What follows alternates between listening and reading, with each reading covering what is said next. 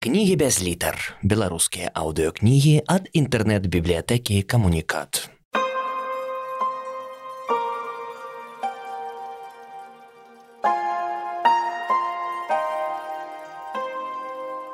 Андрей Федоренко «Дикий лух» Раздел восьмый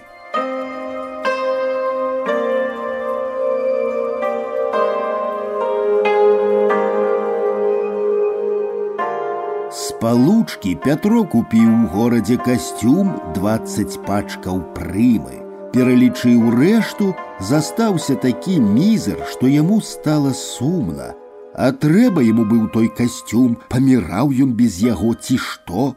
Захацелася нават вярнуцца і папрасіць, каб забралі назад. Але сорамна было, вось купі кепска і не купіць тое ж. Зайшоў у сталовую, выпіў вінца, занюхаў рукавом. Апошнім часам ён зусім перастаў закусваць, не лезла нічога. Да станцыі паехаў дызелем, сонейка вераснёвая грэла, мухі зумерылі каля мутнага шкла. Закалыхала, развезла Пятра.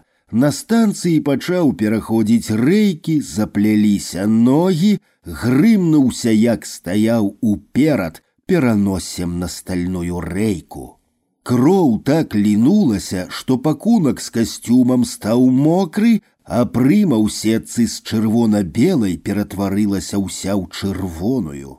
У бальніцы паглядзелі, што п'яны, бедна адзеты, ніхто нічога не выпраўляў, сяк так на хуткую руку зашылі, як шавец цыруе дзіравы бот. Так і зраслося, пераносіцы не стала зусім. Замест роўнага сімпатычнага носа цяпер тырчэла паміж шчок качыная пляскатая дзюбка. А на тым месцы, дзе была пераносіца, сярод праваленых зморшчын свяцілі дзве маленькія, як іголкай праткнутыя дзірачкі. Калі Пятро курыў, дым ішоў праз рот, праз ноздры і струменіўся праз гэтыя дзірачкі. Яшчэ яны пасвіствалі. Пятро скажа слова свісь. На спачуванні, маўляў, чэрці не маглі зашыць па-людску, адказваў: такая ўжо кабеціна была дабрачая, свісь дзірачкамі, ад душы. Яна ж цябе знявечыла, а ён сваё Каб не моя, я б з ёю яшчэ свісь. Ён яшчэ не до конца разумеў, што здарылася. Думаў ён по-ранейшаму кветка, неяк прыйшоў да махновачкі. Дай машинку, Сюзана пастрыгчы абяцала. Пятро, сказала махновачка, дастаючы з шуфляды прадаўгаваты футаральчык, стараючыся быць строгай.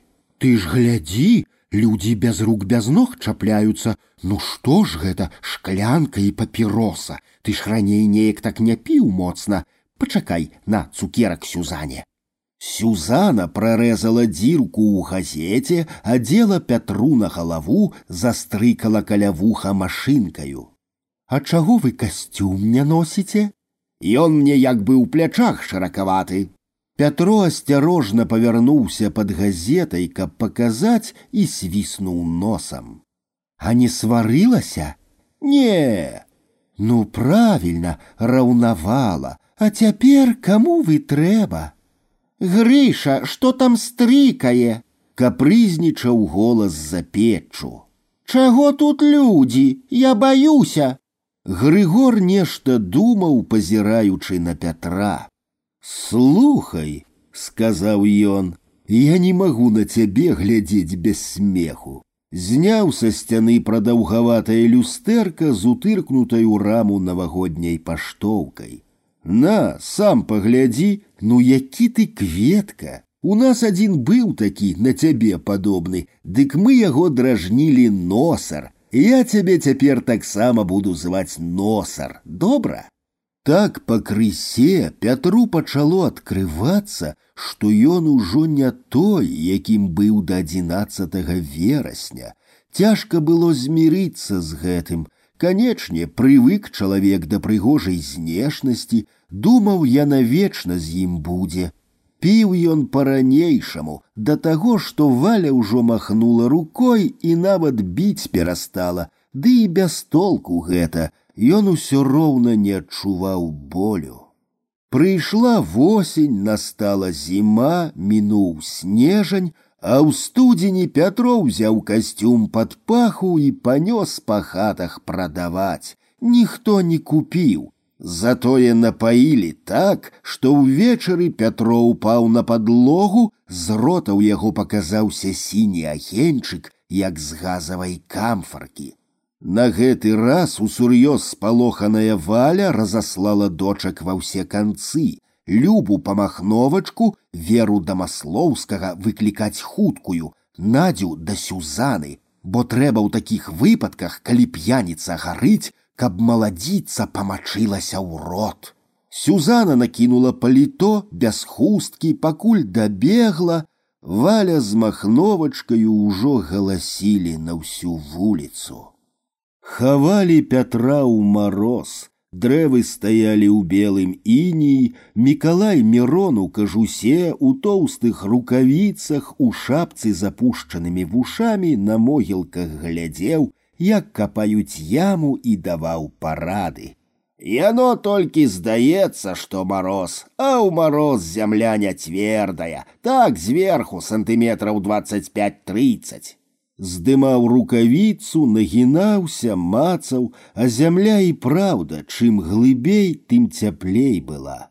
На памінкі кулініч прывёз аднекуль ласінае сцягно, Махновачка нарабіла котлет, наварыла застудзіны, зрэшты і так усяго хапала, бо тады яшчэ была традыцыя абавязкова несці на памінкі кісель, бутэльку, міску з вінегрэтам, курыцу ці кавалак мяса. Састаўленыя сталы перасякалі ўсю хату, але месца ўсё роўна ўсім не хапала.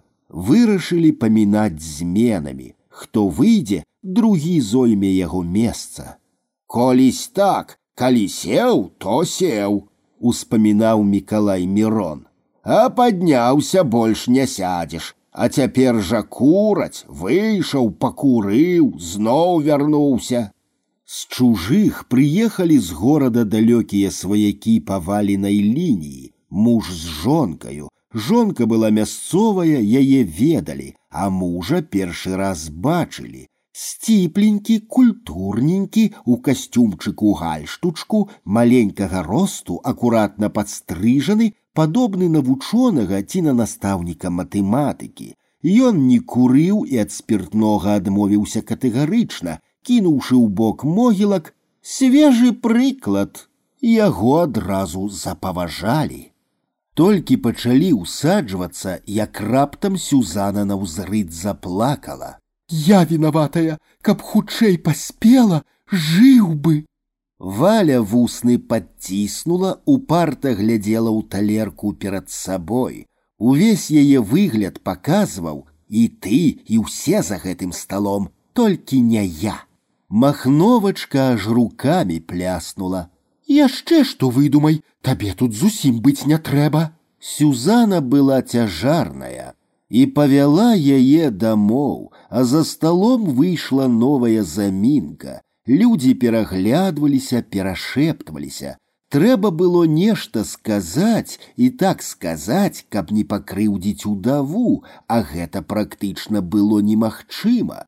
Любыя словы ўспрымуцца як абвінавачванне валі. Напрыклад, калі пачаць шкадаваць нябожчыка, Чаго ён памёр, мог бы жыць ды жыць, Альбо калі, напрыклад, паспачуваць яму. Вось і адмучыўся. Ну, хто скажа тост?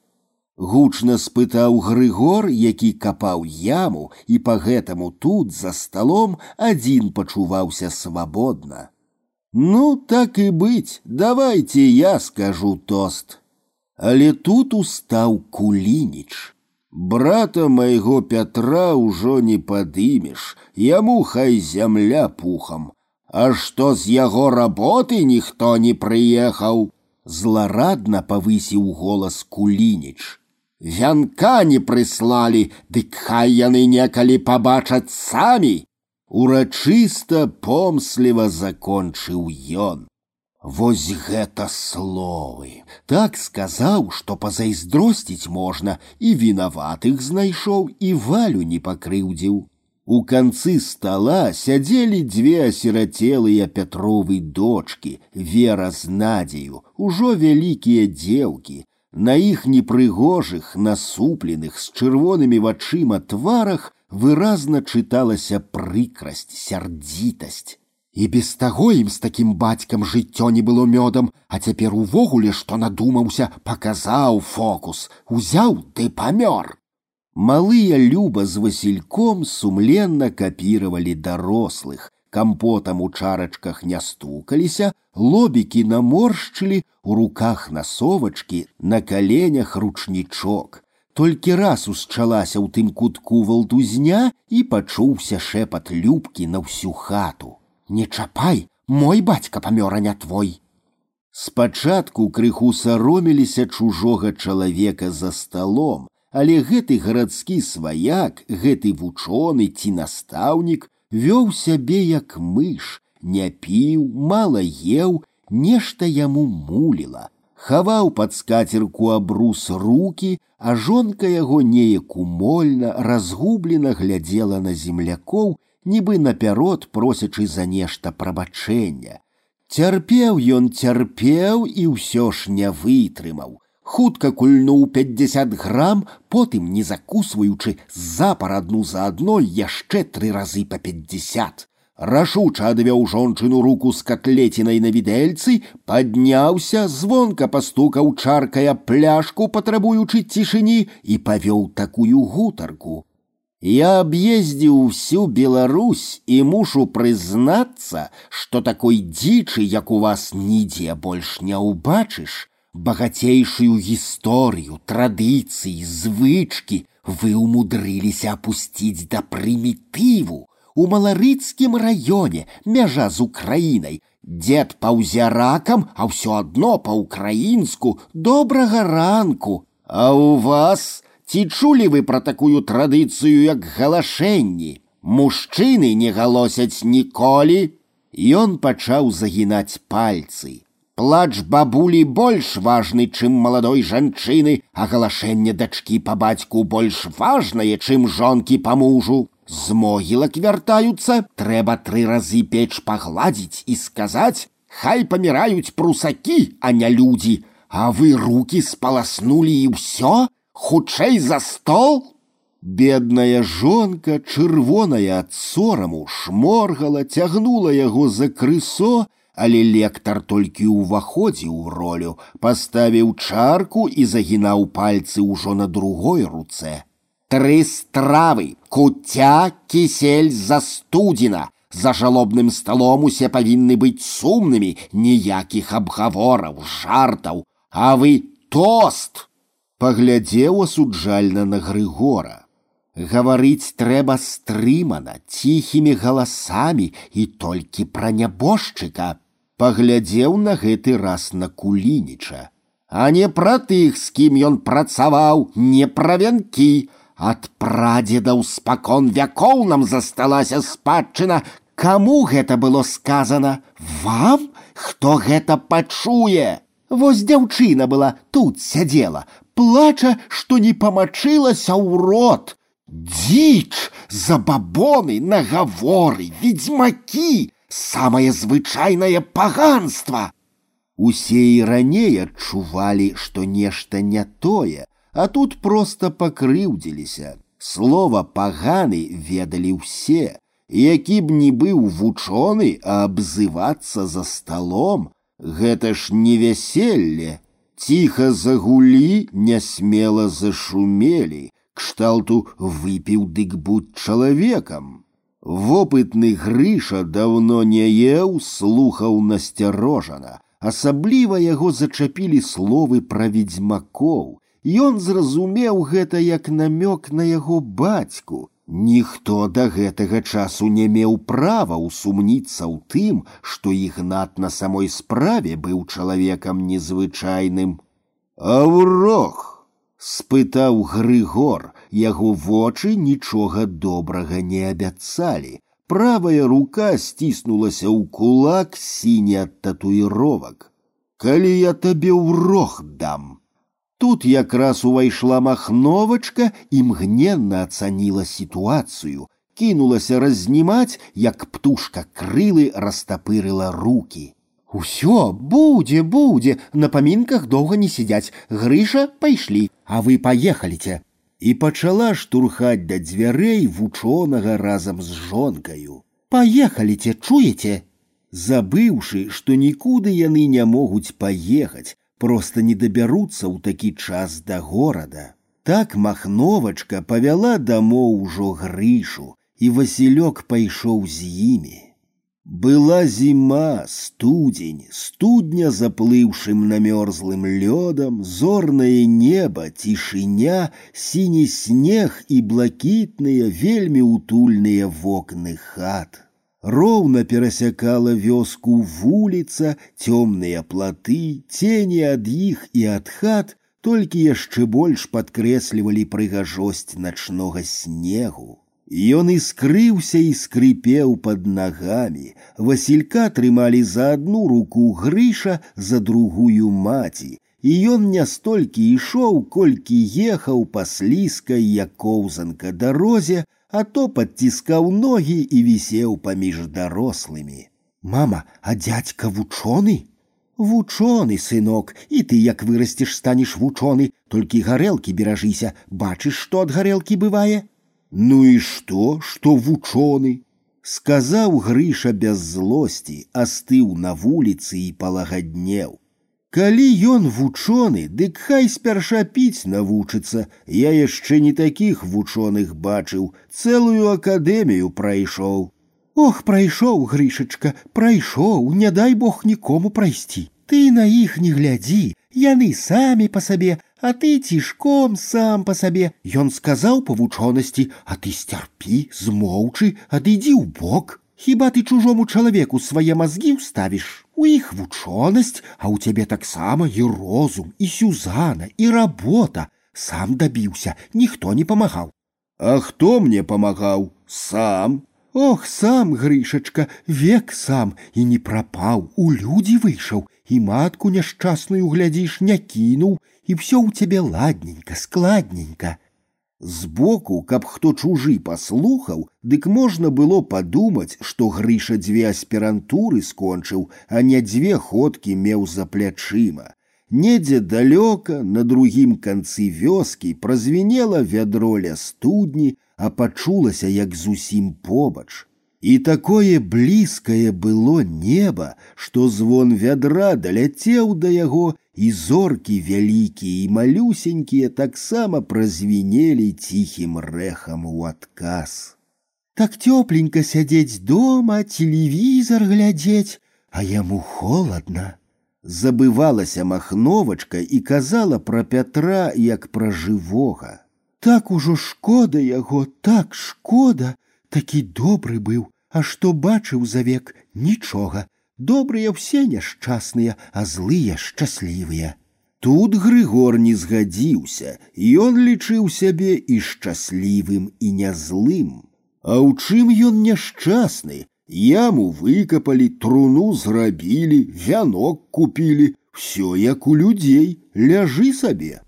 Ён не ў зямлі ляжыць, а вісіць на небе, сказаў раптам малы Васілёк, падціскаючы ногі бачыць нас і ўсё чуе. І праўда, такое хараство было разліта вакол, што не дапускала яно думкі пра смерць, ды не бывае яе, не можа яе быць у гэтай зорнай бясконцасці сярод вечнай гармоніі, дзе ўсяму сваё месца дзе ніводная касмічная пылінка не з'яўляецца і не знікае сама па сабе, без чыёйсьці на тое волі. А зоркі ўсё пераміргваліся, ўсё тоненька звінелі, нібы на самой справе гэта былі незлічоныя душы даўно ад нас адляцелых, якія цяпер там у версе працягваюць жыць, перамаўляюцца паміж сабою на сваёй мове, пазіраюць на нас і спачуваюць нам.